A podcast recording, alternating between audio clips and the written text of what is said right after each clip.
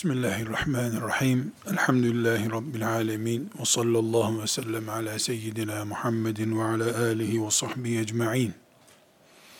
Hadis-i şerifleri anlamak, hadislerle Müslümanca bir hayat yaşamak için tarihimizin çok riskli bir dönemini oluşturan Emevi dönemine ait bilgimizin tazelenmiş olması gerektiğini söyleyerek bir başlangıç yaptık. Emevi dönemini incelemek zorundayız dediz. İlim açısından, tarih açısından değil. Konumuz tarih değil çünkü. Ama elimizdeki Kur'an'ımız, elimizdeki Bukhari'miz, hadis-i şeriflerimiz, e, neticede o dönemden süzülerek, incelenerek ancak anlaşılabilmektedir. Dolayısıyla o dönemde tartışmalı bir dönemdir. Bu tartışmalı dönemde ilmi ve alimi ele almak zorundayız dedik. Bu nedenle de Emevi döneminde ilim ve alim ne durumdaydı? Ee, dolayısıyla bugün bize nasıl taşındı ele alıyoruz. Buna başlarken de dedik ki Emevi devleti 90 seneye yakın bir zaman devam etmiş bir dönemin adıdır. Ama direkt Emevi diye başlamak yerine Osman İbni Affan radıyallahu anh'tan başlamak gerekir dedik.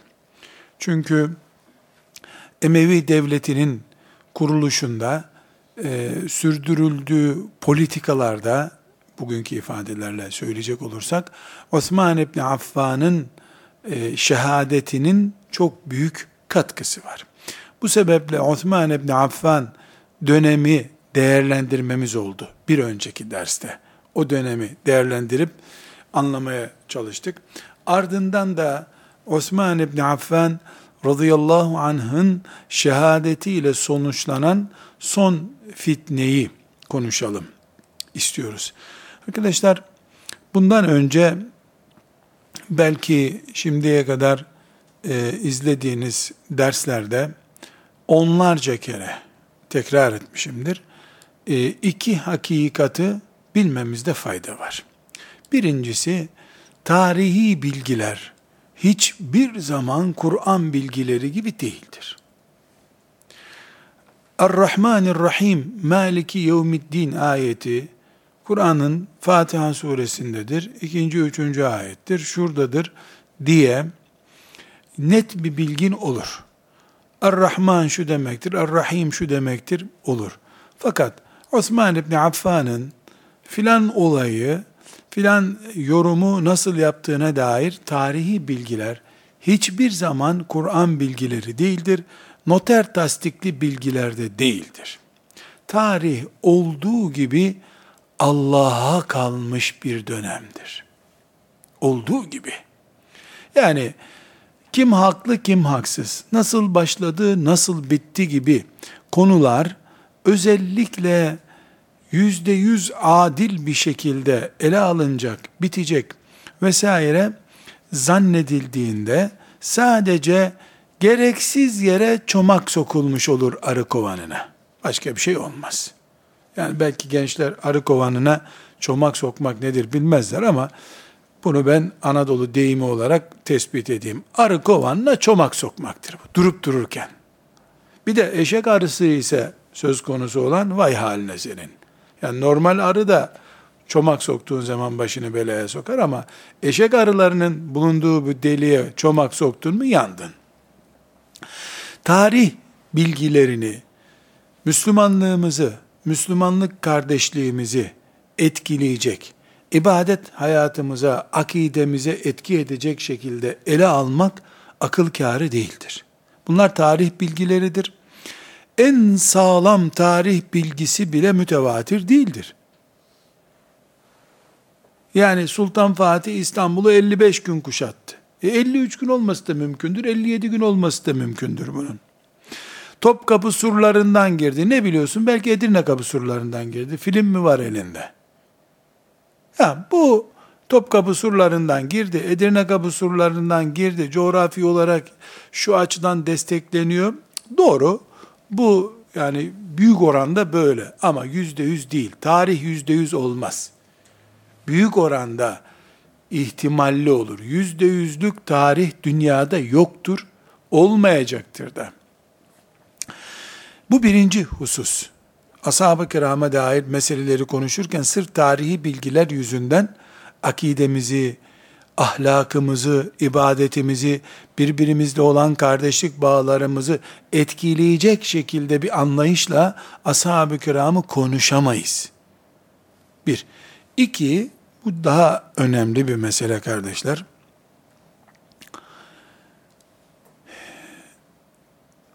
Bu mülk Allah'ındır. Celle Celaluhu. Tek bir karınca bile bu mülkte izinsiz, plansız, vakti gelmeden kıpırdayamaz. Tek bir karınca bile. İman ettiğimiz Allah böyle bir Allah'tır. Her şeyin kaderini yazmıştır. Yazdığı da yüzde yüz gerçekleşmektedir. Şöyle bir şey düşünemeyiz müminsek. Ne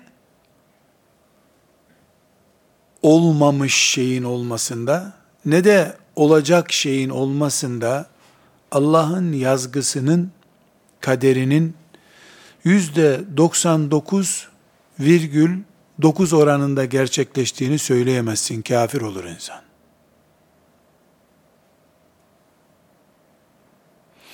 olmamış şeyleri olurken bu yüzde 99 onda 9 Allah'ın yazdığıydı. Yüzde 0 onda 1 oranında da kendiliğinden büyüdü olay. Diyemezsin. Tersini de diyemezsin. Bu tarafını da diyemezsin. Yüzde yüz Allah izin verdi de her şey oldu. Böyle iman ediyoruz. Yüzde 99 onda dokuz oranında kader tecelli etti. Yüzde sıfır onda bir oranında da olayların gelişme sürecinde oluştu bu. Dediğin an iman ettiğin Allah'ın etkisi, gücü, kudreti tam yüzde yüz değil demektir. Bu söz, bu anlayış vahimdir. Küfre kadar götürür insanı kudreti tam olan Allah'a iman ediyoruz biz. Allah milyonda bir oranında bile kudretinde arıza olmayan bir Allah'tır. Trilyonda bir bile olsa kudretinde arıza yoktur Allah'ın. Olamaz. Bu hakikati arkadaşlar destere ile ikiye bölünen peygamberler olayında da böyle inanıyoruz. Açılmış kuyularda yakılan ashab-ı uhdud olayında da böyle olduğunu düşünüyoruz. Musa aleyhisselamın çektiklerinde de böyle olduğunu düşünüyoruz. İsa aleyhisselamın ve annesinin ve anneannesinin çektiklerinde de böyle olduğunu düşünüyoruz. Resulullah sallallahu aleyhi ve sellemin çektiğinde de böyle olduğunu düşünüyoruz. Ashab-ı kiramın başına gelenlerinde böyle olduğunu düşünüyoruz. Resulullah sallallahu aleyhi ve sellemin torunu, cennet gençlerinin efendisi Hüseyin radıyallahu anh'ın başına gelenlerinde böyle olduğunu düşünüyoruz. Yeryüzünde hiçbir olay Allah'ın tasarrufu dışında değildir. Kudreti dışında değildir. Milyarda bir oranında bile olsa böyle bir ihtimal yoktur, olamaz. Her şey Allah'ın mülkünde sadece anlaşılsın diye yaptığım bir benzetme olarak söylüyorum. Allah'ın gözü önündedir. Allah'ın gözü önünde ifadesi şüphesiz mecazi bir ifade olarak kullanıyorum. Allah'ın gözü önünde olmayan hiçbir şey yoktur. Karıncalar yok ki, pire yok ki insan Allah'ın gözü önünde olmadan bir dakika olsun ayırılsın. Burada arkadaşlarım Osman İbni Affan'la ilgili başlayan ve ümmetimin takriben yüz küsür senesine hitap eden ama hala devam eden, hala devam eden, yükselerek hala devam eden bir fitneden söz edeceğiz. Bu sözlerimin neticesinde ortaya çıkan gerçek şudur. Yani Osman olayı çok büyük bir olay. Ee, onu belki anlamakta zorlanırız. Ben burada otururken sandalyemin ayağı kırıldı, düştüm. Ya bu sandalyeyi sakat koydular, provokasyondu, işte bilerek beni düşürmek istediler. Onlarca alternatif olabilir. Kasten konmuş olabilir, kırılmış olabilir, ben ağır geldim sandalyeye çekmedi olabilir, adi markaydı olabilir. Olmayacak ihtimal yok. Hangi seçeneği koyarsak koyalım, bu Allah'ın kaderinde vardı. Allah'ın gözü önünde oldu bitti bu. Dileseydi Allah, hiç sandalye olmadan da beni böyle tutardı. Yapmadığı iş midir Allah'ın? Allah'a zor mu bu? Düştüm bitti. E niye düşürdü Allah beni ben onun dinini anlatıyordum? Her şeyi biz bildikten sonra yanlış yerde duruyoruz. Kulluk yerinde durmuyoruz demektir o zaman. Bizim her şeyi gerekçeleriyle bilmemiz gerekmiyor. Bir, iki, dünya, bu sözümün altını çizebilirsiniz arkadaşlar. Bedeli ağır ve kalın kalemle yazılması gereken bir söz söylüyorum.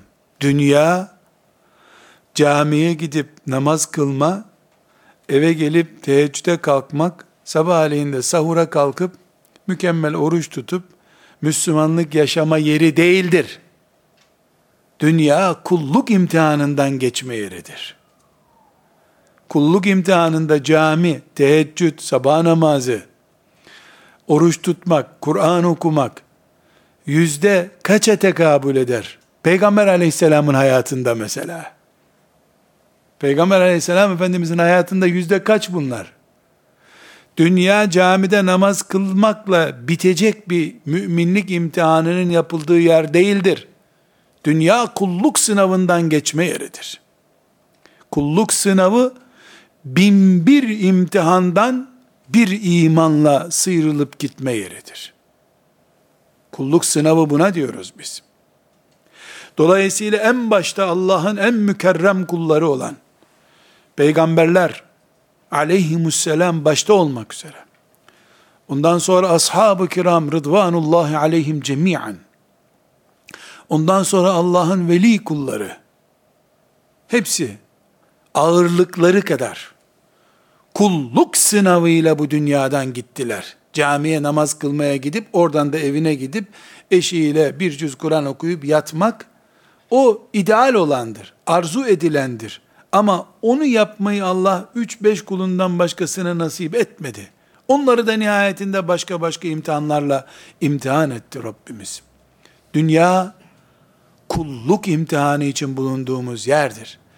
Bu kulluk imtihanını izlediğimiz zaman sadece bir imtihan olsun diye bir yerde dere kenarında banyo yaparken elbisesini çalıp giden kargayı Allah gönderdi de Musa'yı çıplak bıraktı orada. Yahudiler de onu görüp Musa aleyhisselam o halde görüp fiskos ettiler. Bir Musa aleyhisselam örneğine alındığında ya hem Allah'ın peygamberi hem de çektiklerine bak. Diyesi gelir insanın. Allah'ın peygamberi en büyük beş kuldan biri ama. Musa aleyhisselam peygamber oldu. Tayini çıkınca emekli oluncaya kadar da çok güzel peygamberlik yaptı. Emekli olunca da anahtarları teslim etti. Bütçesini teslim etti. E, girerken verdiği mal beyanıyla çıkarken verdiği mal beyanını inceledi müfettişler. Çok güzel görev yaptığı anlaşıldı. Emekli oldu. Hayırlı uğurlu olsun. Çocuklarına kaldı. Böyle değil ki peygamberliği. Peygamber olunca zirvenin zirvesine çıktı. O zirvede de Rabbi onu zirve şartlarında imtihan etti. Sıradan bir İsrailoğullarından birinin rüyasında görünse bile çarpılacağı şeyleri Musa aleyhisselam eylem olarak yaşadı. Musa aleyhisselamın imanının, kişiliğinin milyarda biri olmayacaklar, namaz kılıp oturup cennete gireceklerini düşünecekleri bir hayat yaşadılar. Musa aleyhisselam da işkence denecek imtihanlar üstüne imtihanlar yaşadı.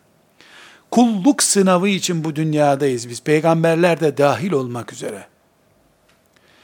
Resulullah sallallahu aleyhi ve sellemi Kabe'nin dibinde namaz kılarken, yeni kesilmiş bir devenin işkembesiyle baş başa bırakan anlayış, göklerin kafasına düşüp pestili çıkıncaya kadar ezilse bile, e, yine tam cezası verilmeyecek kadar hakir bir anlayıştır. Niye Allah müsaade etti böyle bir şeyin miraç görmüş bir peygambere yapılmasına? Kim bilir o olaydan üç gün önce, beş gün önce veya bir hafta önce miraç gördü Resulullah sallallahu aleyhi ve sellem. Kainatı deldi geçti. Sidretül Münteha'ya gitti. Sidretül Münteha'ya ayak basmış bir peygamber oldu. Geldi Kabe'nin dibinde deve işkembe pisliklerini attılar üstüne. Bu sahneyi tefekkür ettiğimizde insanın aklı durur. Bunu hiçbir ceza çeşidiyle de cezalan. Bunun cezası bile olmaz bu dünyada. Böyle düşünemeyiz biz. Ne düşünürüz?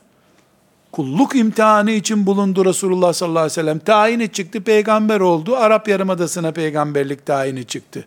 Memur mantığı bu. Tayini çıkmış. Peygamberin tayini mi çıkarmış? Peygamberliğin tayini çıkmaz, istifa olur. Kur'an ne diyor?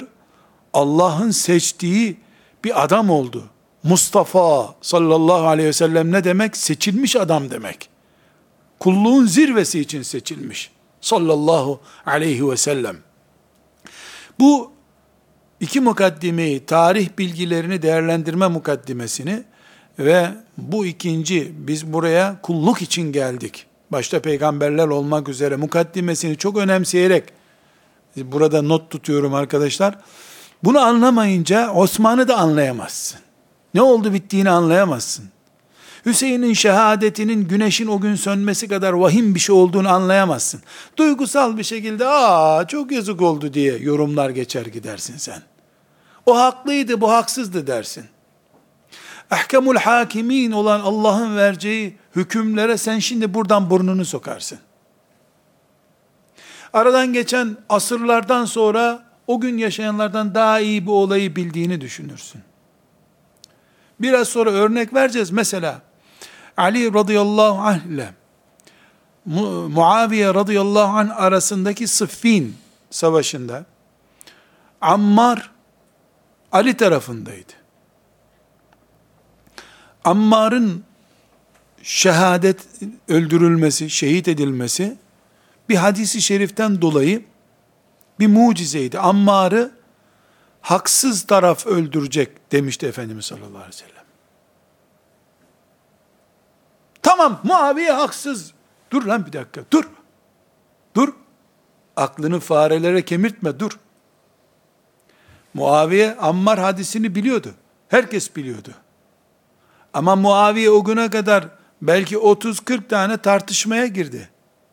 Sıffinden önce. O gün şehit edileceğini kim biliyordu? Şehit edilince mucize bir hadis gerçekleşti. Ammar'ın öldürdü, öbür tarafın haksız olduğu ortaya çıktı.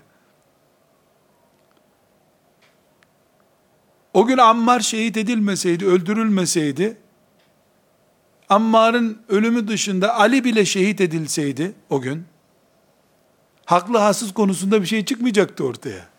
Ammar'ın durduğu taraf demiyor ki öldürüldüğünde Ammar'ı öldüren taraf diyor hadis-i şerif. Radıyallahu anh.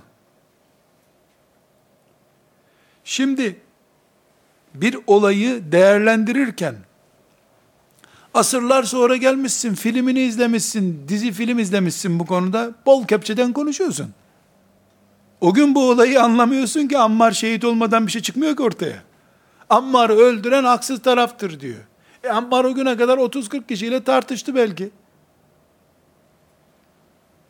Ammar'ın ölümüyle ilgili vaka Sonradan ortaya, sonradan paket açılınca haklı haksız ortaya çıktı. İş işten geçmiş oldu. Bilhassa ashab-ı kiramı irdelerken, Selahaddin Eyyubi'yi konuşurken, Sultan Fatih'i konuşurken biraz daha rahattır insan. Yine adil olmak, yine mümince konuşmak gerekir. Nerede olursa olsun. Kafirlere bile adil konuşun Allah buyuruyor. Kafirliği ayrı bir konu onun. Adalet gerekiyorsa kafire de adil davranın. Allah'ın emri budur. Ama bir mümin ashab-ı kiram hakkında konuşurken haddini bilerek konuşmalı ve unutmamalı. Osman radıyallahu anh cennet adamıdır. Şehadeti ise ümmetin bugün hala devam eden sökülme ve dökülme nedenlerinden biri olmuştur. Bir hadisi şerifi hepimiz çok iyi hatırlıyoruzdur. Defalarca kullandık. Hani Efendimiz sallallahu aleyhi ve sellem oturuyor ve ayakları uzanmış bir vaziyette ee, ve dizine kadar da eteği gelmiş. Yani dizleri görünüyor vaziyette. Ebu Bekir radıyallahu anh ve Ömer bir sebeple yanına geliyorlar. Hiç pozisyonunu bozmuyor. Osman bir nedenle içeri girmek istiyor. Bekletin onu buyuruyor Efendimiz sallallahu aleyhi ve sellem. Ayağını düzeltiyor. Dizini kapatıyor. Normal bir kendinden büyük biri gelecekmiş gibi toparlandıktan sonra gelsin diyor. Bu sahneyi izleyen Ayşe annemizin dikkatini çekiyor. Ya Resulallah diyor. Ebu Bekir Ömer'i çok seviyorsun. Ee, onlara göstermediğin saygıyı Osman'a gösterdin diyor. Farklı muamele yaptın Osman'a diyor. Ayşe diyor. Bir insan ki gökte melekler ondan utanıyor, bizim de ona saygı göstermemiz lazım diyor. Böyle bir Osman, adamsa yani adamlık diye bir kavram kullanacaksa Osman böyle bir adam. Göklerde saygınlığı var yaşarken henüz. Ama Rabbimizin kaderinde Osman'ı binbir çilenin içinde yoğurmak var. Niye? Musa'yı niye yoğurduysa, Nuh'u niye yoğurduysa, aleyhisselam, İbrahim'i ateşe niye attırdıysa, hem Halilullah, hem de ateşe attırdı. Bu dostlar arasındaki ilişki mi dersin? Kulluğundan zevk alan İbrahim mantığı mı dersin? Bu Allah'tır ne dilerse yapar mı dersin? Ne dersen de haddini bil ama. Osman'ı parçalanmış vücuduyla mushafın üstüne yığılmış halinde şehit ettiren Allah, tam dilediğini yaptırdı. Kime ne? Osman onun kulu. Osman'ın şikayeti yok. Osman'ın bir şikayeti yok bundan. Kim itiraz edebilir ki? Osman razı, Rabbi razı, kullar asi. Bu sebeple mümin olarak biz haddimizi bildiğimiz bir noktada durmamız gerekiyor. Kuluz biz. Kendi üzerimizde tasarruf kabiliyetimiz yok. Nasıl Allah'ın en temiz kulları, en mübarek kulları üzerinde tasarruf cüreti gösterebiliriz. Velev ki yorum olarak olsun. Bizim üzerimize düşen elimizdeki sağlam bilgilerle ne kadar en sağlam bilgisi hangisi olayı anlamak ve ve Allah'ın bunca dersi bizim için yaptırdığını, bize ders bıraktırdığını unutmamak. Osman radıyallahu anh'ın şehadeti ve sonraki fitneler bitti mi dünyada sanki? Hala Müslüman olduğunu söyleyen insanlar Osman'a yaptıklarını, e, eziyetçilerin, cefacıların, asilerin Osman'a yaptığını bir Müslümana yapabiliyorlar. Ders alınmadıktan sonra tarih çöplüktür. Ders alınmış tarih değerli bir ilimdir. Ve benim aciz kanaatim, kendi kanaatimdir. Bugüne kadar olmamış olsa bile herhangi tarihi bir olay kıyamete kadar muhakkak birkaç kere de olsa tekrarlanacak, kopyalanacak olaylardır muhakkak. Belki ümmeti Muhammed'in Osman'ı yoktur. Ama Medine'de bir Allah dostu harem-i şerifte Kur'an okurken öldürülmesi her an beklenebilir. Osman da harem-i şerife 200 metre mesafede şehit edildi. Osman'ın şehit edildiği yerler şu anda harem-i şerife dahil oldu. Namaz kılınıyor orada. Yani orada bir Müslüman namaz kıldırırken öldürülebilir. Tarih tekerrür içindir. Çünkü tarih insan üzerinde yaşanıyor. İnsan da hep böyle birinin çocuğu olarak doğduğu gibi, dedesine benzediği gibi, amcasına benzediği gibi, tarihte insan üzerinden doğup doğup büyüyor sürekli. Çocuk amcasına benzer, filan yerdeki olay da filan yerdeki olaya benzer. Bu sebeple kardeşlerim iki hakikati perçinlemek istiyorum burada. Zira bir üniversitede ders yapmıyoruz biz. Yani siz imtihana gireceksiniz. Ben de maaşımı helal ettirmek için bu dersi anlatmam lazım diye bir ders yapmıyoruz. Rabbimizin şeriatını öğrenmeye çalışıyoruz. İbret almaya çalışıyoruz. Hadis-i şerifleri esas alıp yükselmeye çalışıyoruz. Elhamdülillah kıyamet günü sorgusu yapılacak bir hocayım, bir talebesiniz. Bu ders bir yerde daha önümüze çıkacak. Ve orada kulaklarımız, gözümüz, elimiz konuşacak dilimizden önce. Bu ders muhakemesi edilecek bir derstir. Ve bütün eylemlerimiz şüphesiz sadece bu derse mahsus değil. Bu sebeple ashab-ı kiramın da içinde bulunduğu olayları konuşurken edebimizi korumamız, onlardan çok kendimizi düşünmek zorunda olduğumuzu bilmeli. Ali'yi savunurken, Muaviye'yi savunurken, Ammar'ı savunurken bir tür ben niye helak olayım ki? Ben cennete girip girmemek derdindeyim. Ona buna dil uzatıp niye cehenneme gireyim? Tavsiyem odur ki, bu olayları aklı basmayan olabilir. Yani an, dinliyorum dinliyorum bir şey anlamıyorum. Daha dinleme bundan sonrasını. Bakara suresi değil ki son ayet kaldı hatim indirmek için o son ayeti okuyasın. Anlamıyorsan bu olaylara karışma. Dinleme bunları. İmanın şartlarından değil. Kör taassup yapacaksan, futbol takımı tutar gibi ashab-ı kiramdan birini tutacaksan eğer, sen dinleme bu konuları. Uzak dur bu konulardan. Senin fitnen olur bunlar çünkü. Resulullah'ı sevdiğin için ashab-ı kiramı seveceksin aleyhissalatü vesselam. Ashab-ı kiramla beraber olmak için kıyamet günü uğraşıyorsan, anlıyorsan dinle, oku. Anlamıyorsan bunlar roman değil. Battal Gazi olayı konuşmuyoruz. Ne konuşuyoruz? Dinimizin esasında bulunan ve bu dini kaplarında tutup bize getiren muhafızları konuşuyoruz. Allah onlardan razı olsun. Onun için iki şey çok önemli kardeşlerim. Birincisi, biz tarih bilgisini Kur'an gibi okumayız. Velev ki filmini izleyelim, tarih bu deriz. İkincisi, mülk Allah'ındır. Bu mülkte karıncaların kıpırdanışı dahil, Allah'ın iradesi ve izni dışında hiçbir şey olmamıştır, olamaz. Ateşe atılan İbrahim'de de olamaz. Oğlu suda boğulan Nuh aleyhisselamın çilesinde de olamaz. Resulullah sallallahu aleyhi ve sellemin mağarada mahsur kalmasında da bir yanlışlık yok.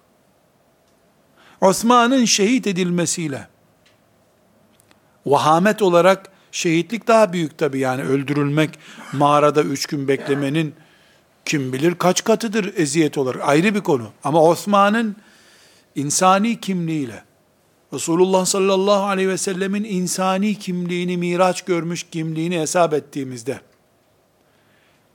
Osman'ın şehadeti mi daha vahim, alemlerin efendisi Resulullah sallallahu aleyhi ve sellemin bir mağarada mahsur kalması mı vahim? düşündüğünde en küçük akıl bile der ki öyle bir insan 10 dakika mağarada mahsur kalsa Osman'ın 10 defa şehit edilmesinden daha ağır bir olay bu. Şahsiyet açısından bakıldığında. E Osman şehit edildiyse edildi. Kainatın efendisi mağarada mahsur kaldı. Cihanlı bir mağarada mahsur kaldı. Osman'ı niye ondan utanan melekler gelip korumadılar sorarsan derim ki niye Resulullah'ı mağaradan çıkarmadılar aleyhissalatü vesselam? Niye onu mağaraya kadar kovalayanların üstüne o dağı olduğu gibi pres olarak atmadı melekler? Olur mu? Allah'ın bir planı var. Bu plan kıyamete kadar tecelli edecek. O plandan dolayı zaten Uhud'da mübarek çenesi yaralanmış olarak e, yaralı bir şekilde Uhud gününü geçirdi.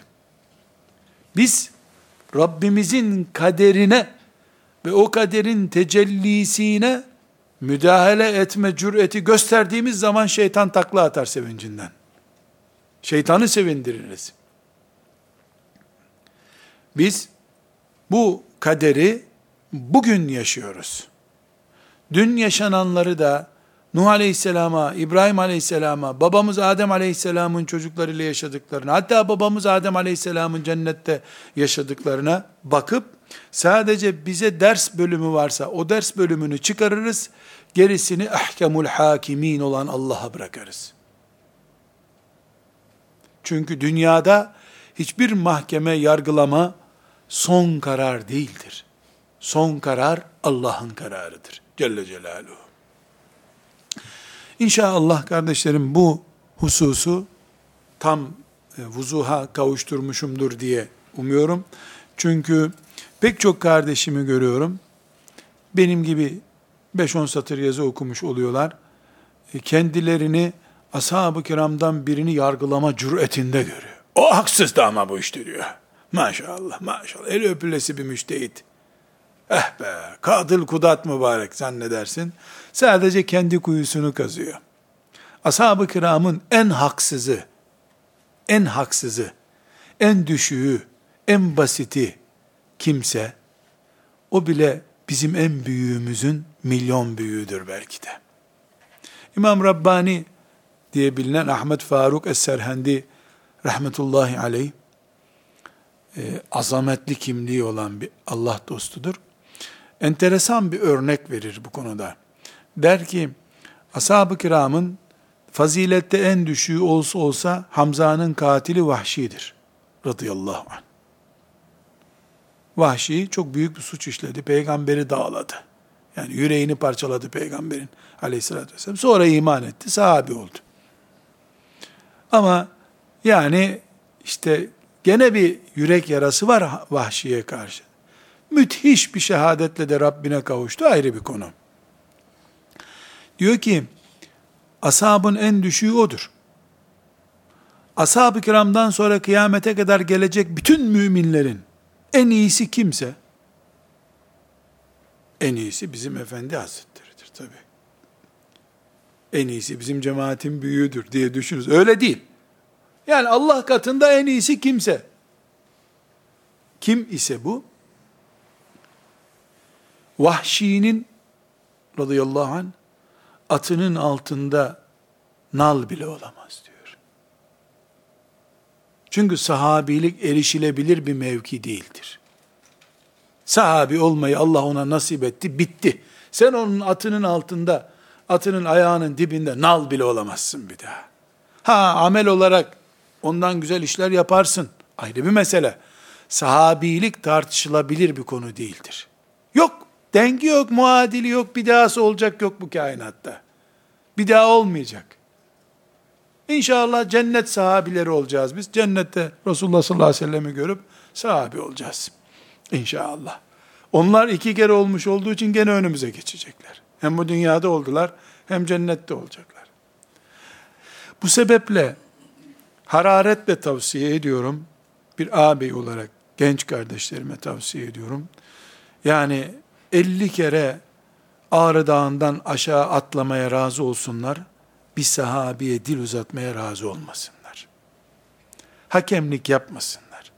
İpsiz sapsız konuşmalara aldanıp, kendilerini ashab-ı kiramın filancası hakkında konuşmaya cüretkar görmesinler. Hayatlarından bereketi kaybederler. Çünkü herkes internet ve klavye üzerinden, Facebook üzerinden mücahit oldu allame oldu. Klavye allameleri olduk hepimiz. Bari ashab-ı kiramı bu işten uzak tutalım. Kıyamete kadar Allah onları şerefli tutmak istiyor. Onca olup biten şeye rağmen şerefli tutmak istiyor. Onların şerefine maazallah dil uzatmak bile bile intihar etmektir. İnşallah anlaşılmıştır bu meselemiz. Çünkü hassas meseleleri konuşuyoruz. Bu ikazı yapmamda bir kardeşim benim yüzümden bataklığa düşer diye çekiniyorum kardeşlerim. Şimdi dedik ki Emevi devletinin kurulmasında Osman İbni Affan radıyallahu anh'ın üçüncü halife şehadeti var. Bu şehadet nereden kaynaklandı? Bir önceki dersimizde Osman radıyallahu anh'ın dönemindeki e, İslam toplumunun e, tablosunu ortaya koymaya çalışmıştık. Demiştik ki ashab-ı kiramın büyükleri şehit oldular. E, geriye kalan genç sahabiler onların himmetini gösteremediler. Göstermeleri de mümkün. Kimse Ebu Bekir olamıyor çünkü. Kimse Ömer olamıyor. Abdurrahman İbni Avf olacak insan nerede bu dünyada? Yani herkesin işte yaşlılık dönemi oldu, öldüler, şehit oldular. Veyahut da işte bir işe karışamayacak kadar pirifani hale geldiler. Osman radıyallahu anh genç sahabilerle ve yeni Müslüman olmuş karma bir toplumla karşı karşıya kaldı. Eğitim açısından vesaire tahlilini yapmıştık o toplumun. Bir sürü dedikodunun, fitne fesadın karıştığı, e, zihinlerin bulandığı dönem oldu. Osman İbni Affan radıyallahu anh iki kızıyla Resulullah sallallahu aleyhi ve sellemin farklı zamanlarda iki kızıyla evlenmiş, iki kere Resulullah'a damat olmuş birisidir. Ee, buna rağmen sahabi oldu, ilk Müslümanlardan olduğunu herkes bildiği halde Ebu Bekir radıyallahu anh mümin olunca Ebu Bekir'in e, teklifiyle daha sonra Müslüman olanlardan biridir. Osman radıyallahu anh yani e, Darül Erkam'ın adamlarından. İlk kırkta İslam'da elhamdülillah radıyallahu anhum cemiyen. E, fakat e, toplum karma bir toplum. Osman'ın geçmişini bilmeyen bir toplum. Osman radıyallahu anh'ın da e, getirdiği devlet politikası e, idrak edilememiş bir politika olunca ciddi bir şekilde Osman radıyallahu anh hakkında şaialar çıkardılar. Kur'an-ı Kerim şaia ile hareket etmeyen, dedikodu ile hareket etmeyi şiddetle nehyettiği halde dedik ki toplum Kur'an terbiyesinden henüz nasibini almamış bir toplum ama. Yeni Müslümanlar, kitleler halinde Müslümanlar oluşuyor. Fakat e, bunlar İslam'ı, Allah'ın şeriatını e, ashab-ı kiramın öğrendiği gibi öğrenememişler. Eğitmeye fırsat verecek bir zaman yok, yer yok, zemin yok vesaire. E, Osman radıyallahu anh hakkında e, Medine'ye ulaşan bir dedikodu furyası çıktı. E, bunlar e, bir kısmı Osman radıyallahu anh'ın e, uyguladığı ki 12 sene dedik ki 12 sene devletin başında kaldı Osman ve e, her gün değişim denebilecek bir karar vermesi gerekti Osman'ın. Ömer radıyallahu anh'ın idare ettiği devlet İran sınırına dayanmıştı. İran dahildi. Osman radıyallahu anh Horasan sınırına ulaştı. Afrika büyüdü. Bir önceki derste zikrettiğim gibi Endülüs planları yapılmaya başlandı. Bayağı bir büyük e, devlet var. E, çok kalabalık, mozaik bir toplum var. Yani Arabı var, Acemi var, e, Rumu var, işte vesaire. Yani bir yığın e, halk kitlesi var. Eğitim için zaman yetişmiyor. Medine'de e, Osman radıyallahu anh'ın bu e, devlet politikaları her ne kadar ashab-ı kiramla istişare ile yürütülüyor olsa da e, ikna edecek veyahut da cevap olarak tatmin edecek düzeyde bir tartışma zemini de olmamış. Çünkü mesela şöyle düşününüz arkadaşlar. E, mesela Basra, Küfe, e, bu, bu şehirler Basra'da, Küfe'de e, İslam şehirleri o zaman. Mısır'da Kahire, Fustat, İslam şehirleri. Şam büyük bir İslam şehri. Mesela Mısır'da e, bir olay oluyor. Bir dedikodu ürüyor. İşte biraz sonra örneklerini vereceğim. E, Medine'de Osman şöyle yaptı diye bir münafık dedikodu çıkarıyor. E, yapılacak iş nedir? Olayı incelemektir. Ne yapılıyor? Bir heyet Medine'ye gönderiliyor. Böyle mi diye. Mısır'dan Medine'ye nasıl gidiliyor sizce? Ne kadar zamanda ulaşılıyor?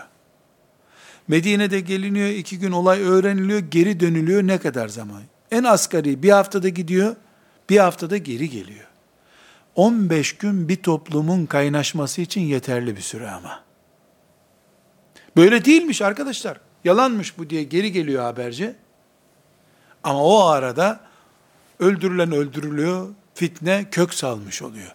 Geri geldiğinde öyle değilmiş canım diye geri geldiğinde ondan daha beter bir fitneyle karşılaşıyor Fustat'ta. 20 günde Basra'ya gidiliyor. Basra'dan geri geliniyor, cevap alınıyor, bir daha gidiliyor, yeni bir fitne çıkmış oluyor. Biraz önce dediğim ki Allah gözü önünde her şeyi ceryan ettirdi. Ümmeti Muhammed'i siyaset ve fitne ile imtihan etmeyi murad ettiyse Allah sebeplerini de yarattı. Böyle bir olay oldu.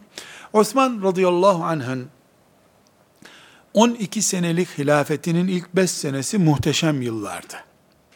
Muhteşem ama. Ömer'in o büyük e, açılım politikaları aynen uygulandı. 5. seneden sonra e, epey bir sorunlar oluştu.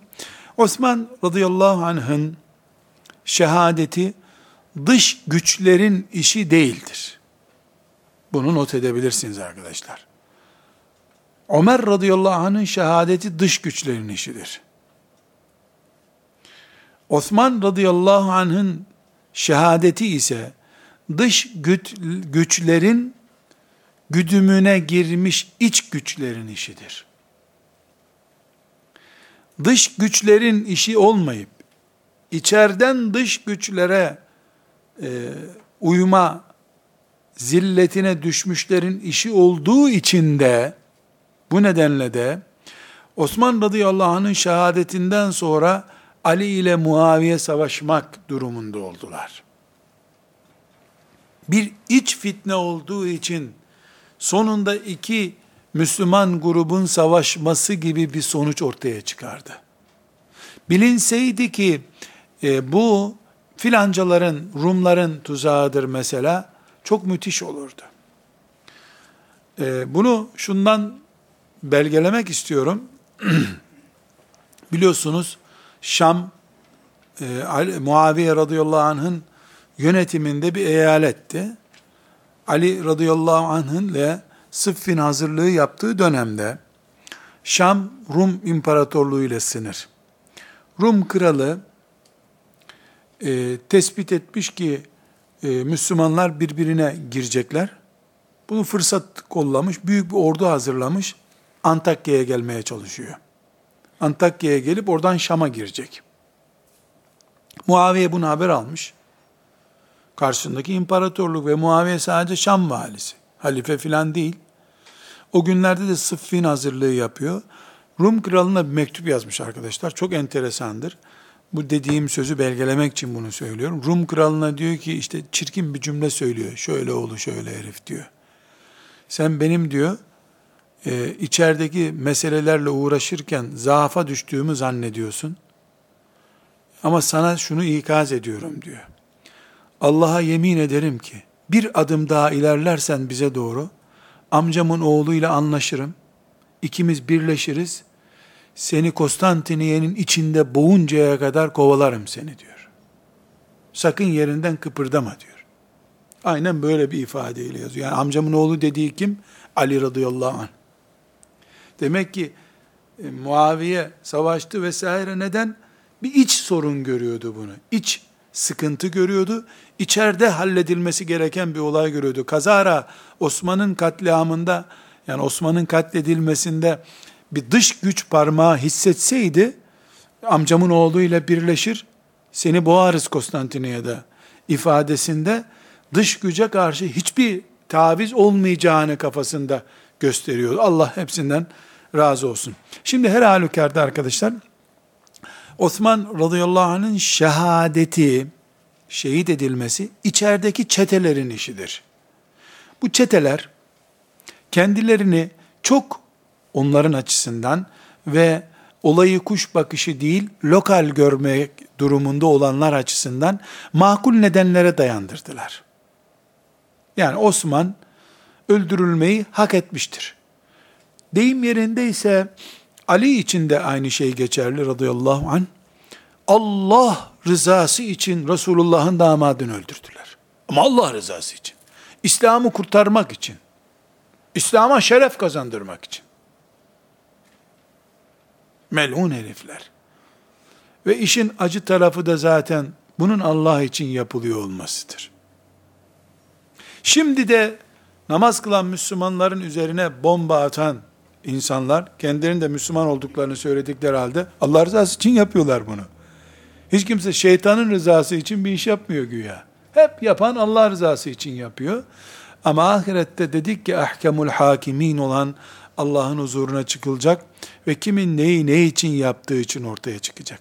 Burada arkadaşlar Osman radıyallahu anh'ın şehit edilmesine sebep olan çete bir 300 kişi kadar Medine'yi işgal ettiler. Daha çok Mısır'daki Fustat şehrinden gelmiş çeteler bunlar.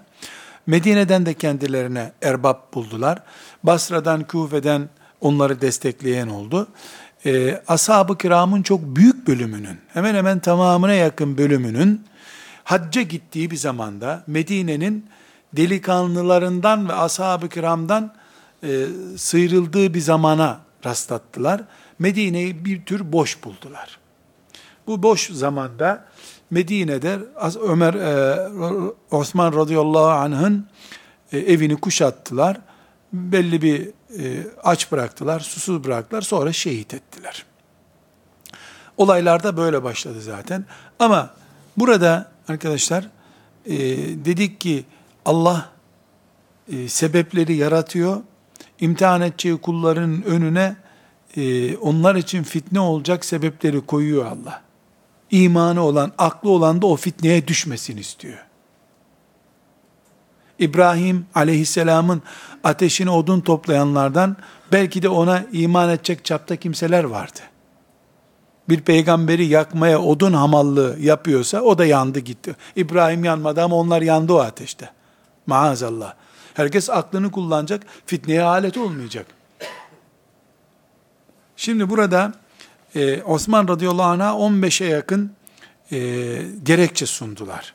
Yani sen busun dediler. Osman radıyallahu anh bu ithamları Mescid-i Nebi'ye çıktı. Resulullah'ın halifesi olarak arkadaşlar benim hakkımda böyle böyle söylüyorlar. Tek tek cevap verdi her birine. Orada bulunan sahabiler biz şahidiz böyledir dediler. Bunun üzerine fitne güya kapandı gibi oldu. E, Medine'nin dışına çadırlara çekildiler. Osman'ı e, başka türlü tuzağa düşürdüler. Mesela e, işte Osman güya mektuplar yazmış da mektuplarda bunu götür valiye teslim et demiş de mektuplarda işte bu mektubu getireni öldür. O filmlerdeki klasik Bizans oyunları yapıyor rolüne düşürmek istediler. Kendi adamlarını bu şekilde kullandılar. Her halükarda beş nokta ki bugün iyi anlaşılması gereken beş nokta bu bütün Osman radıyallahu anh hakkındaki dedikoduların, iftiraların e, özeti olarak ele alınabilir. Esasen 15 maddedir bunlar ama tekrarlardan ve e, anlaşılmasına ihtiyaç olmayacak konulardan sırayıyorum. Birincisi Osman radıyallahu anh Bedir gazvesine katılmadı. Bazı gazvelere katılmadı. Ee, yani halife olmadan önce Osman radıyallahu anh'ın diyelim ki Müslüman olduğu günden itibaren e, bütün hayatında onlara göre ayıplı sayılacak. Bedir'e katılmamış adam ya. Bedir'e katılmamış adam. Resulullah'ı Bedir'de yalnız bıraktı. Slogan böyle mesela. Resulullah'ı Bedir'de yalnız bıraktı. Halbuki ashabın büyükleri çok iyi biliyorlardı ki Efendimiz sallallahu aleyhi ve sellemin kızı Rukayye radıyallahu anha Osman'ın hanımıydı ve can çekişiyordu. Efendimiz sen Rukiye'ye bak diye Medine'de görevlendirdi onu. Efendimizin kızını beklemek için Medine'de kaldı. Bedir'e gitmedi. Bunu ashab-ı kiramın büyükleri biliyorlardı. Ama genç sahabiler bilmiyorlardı. Bu fiskosçular e, Resulullah'ı Bedir'de yalnız bırakan adam şimdi başımızda halife dediler. Vay be Resulullah'ı Bedir'de yalnız bırakan adam mı bizi idare edecek diye hemen klavyeden, Facebook'tan mesajlar yayınlandı. O zamanın da Facebook'u vardı arkadaşlar. Facebook o zaman fiskostu. Şimdi Facebook kos oldu. Bir şey değişmedi. Vay be Bedir'de Resulullah'ı yalnız bırak şimdi bizi cihada gönder ha deyiverdiler. E, bu olayın aslını bilmeyenler de ya Osman hakikaten nasıl sen Resulullah'ı yalnız bıraktın? Bedir'e gitmedin. Belki de dediler yüzüne. Osman gibi bir adam da ya arkadaşlar biz de Resulullah'ın kızını bekliyorduk Medine'de. Diyecek bir adam değil. Çünkü Fiskos'a cevap vermek, Facebook'tan cevap vermek de o düzeye düşmektir zaten. O düzeye düşmedi Osman radıyallahu anh. Ama öbürleri bunu kullandılar. Cihat kaçkını dediler. Bedir'den kaçmış adam dediler.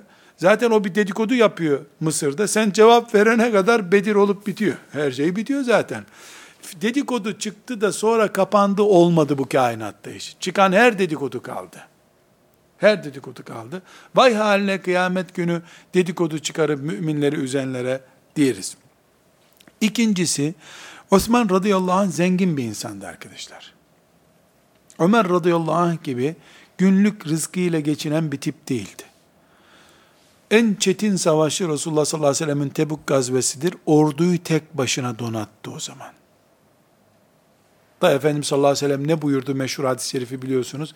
Bundan sonra Osman'a meşakkat yok buyurdu. Bitti.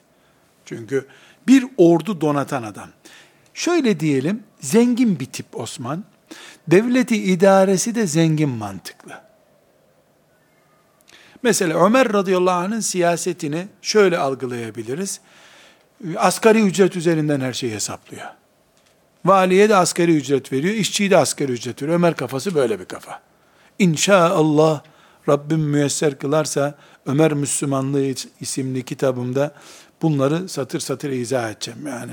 Kendi de asgari ücretle geçiniyor. Valiye de asgari ücret veriyor. İşçi de aynı ücreti alıyor. Asgari ücretle yaşıyor. Ömer böyle bir adam. Osman ise valiye farklı maaş vermeyi düşünen bir tip. Dolayısıyla Medine'de onun koruması mesela 10 dinar alıyor.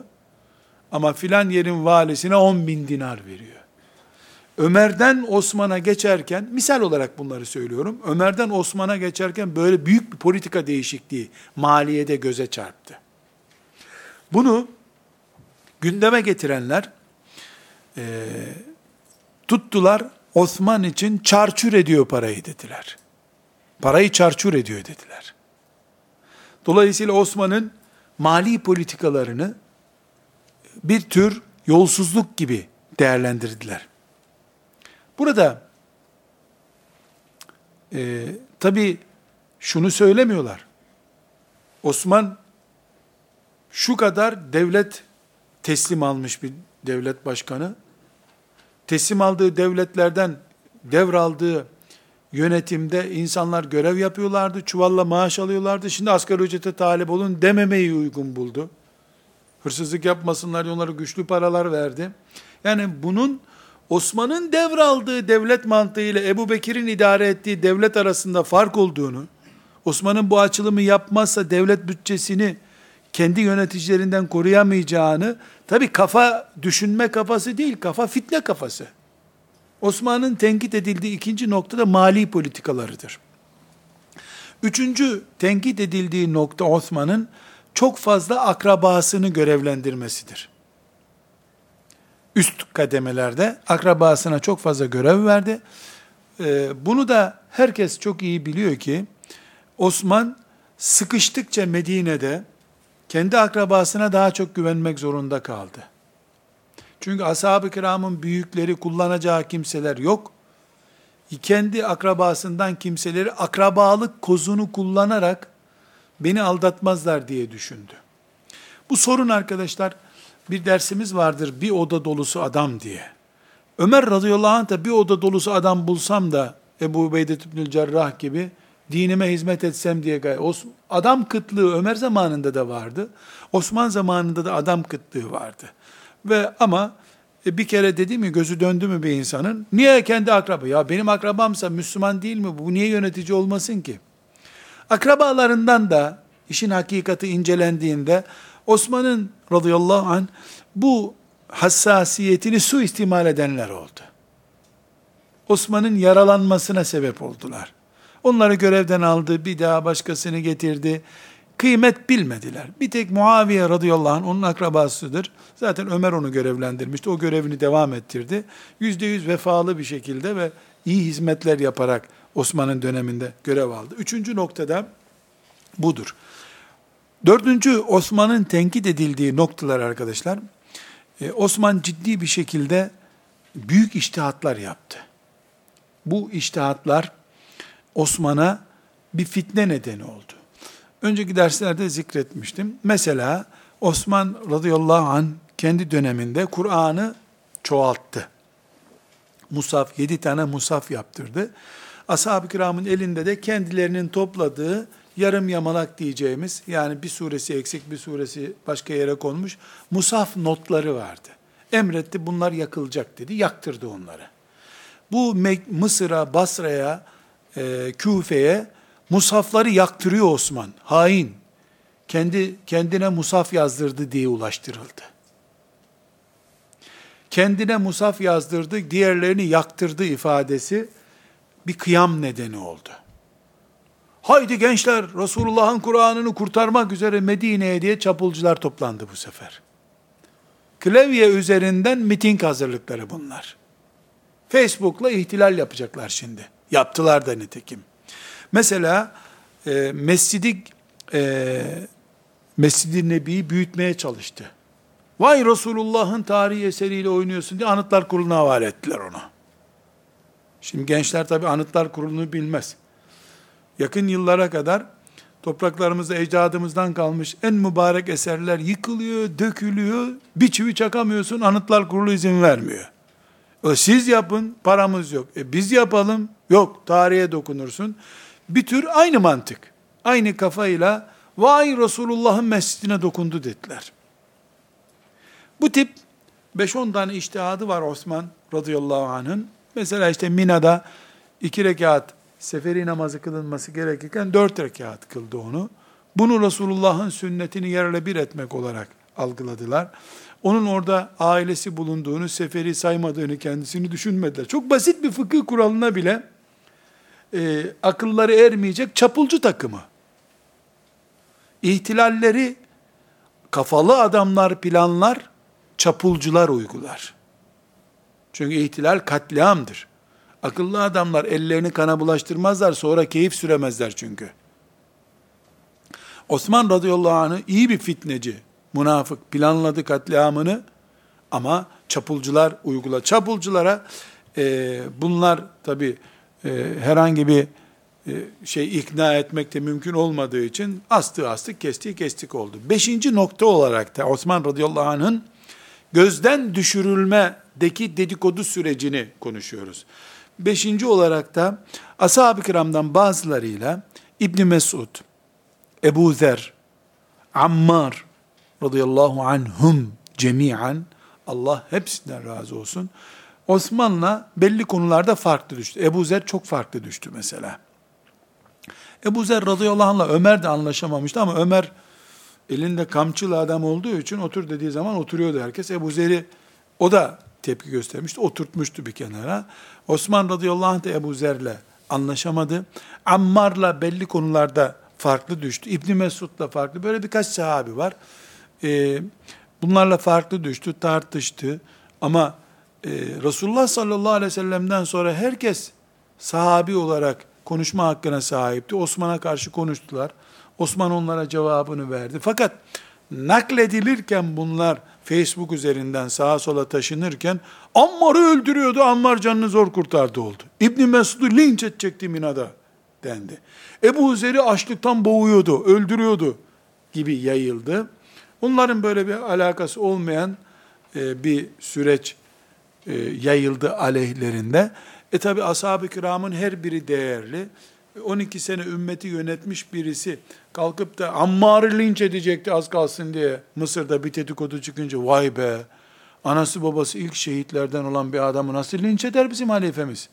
Diyorlar hiç Osman linç eder mi Ammar'ı? Bunu düşünecek yerde vay nasıl yapar? Facebook'ta gördük. Öyleymiş. Sanki Facebook gökten gelmiş bir levi mahfuz parçası gibi. Yani ne demek istediğimi anlıyorsunuz. Böyle bir fitne yumağı oldu. 15 maddedir bunlar. Hepsini zikretmeye gerek yok. Bir kısmı tarihi bilgi gerektiriyor. Ama 5 maddede özetledim. Bu, bunlardan sonra kendileri Osman'ın ölümü hak ettiğine inanmış bir çapulcu kadro çıktı piyasaya. Böyle inandılar.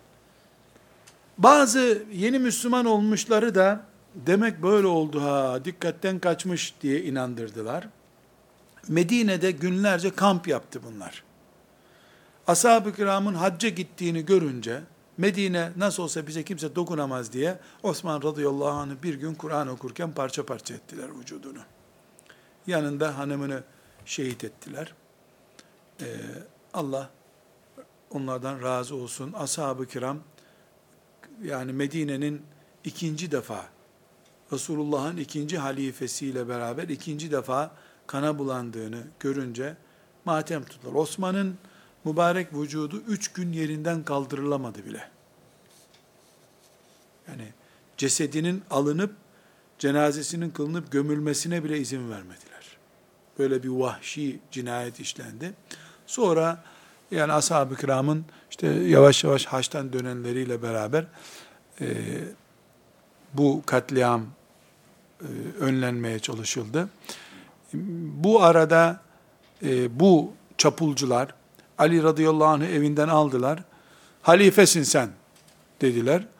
O da halife zaten e, Osman seçilirken Ali de hazır, halife adayıydı. O da hazırdı. Ömer'in bıraktığı listede vardı.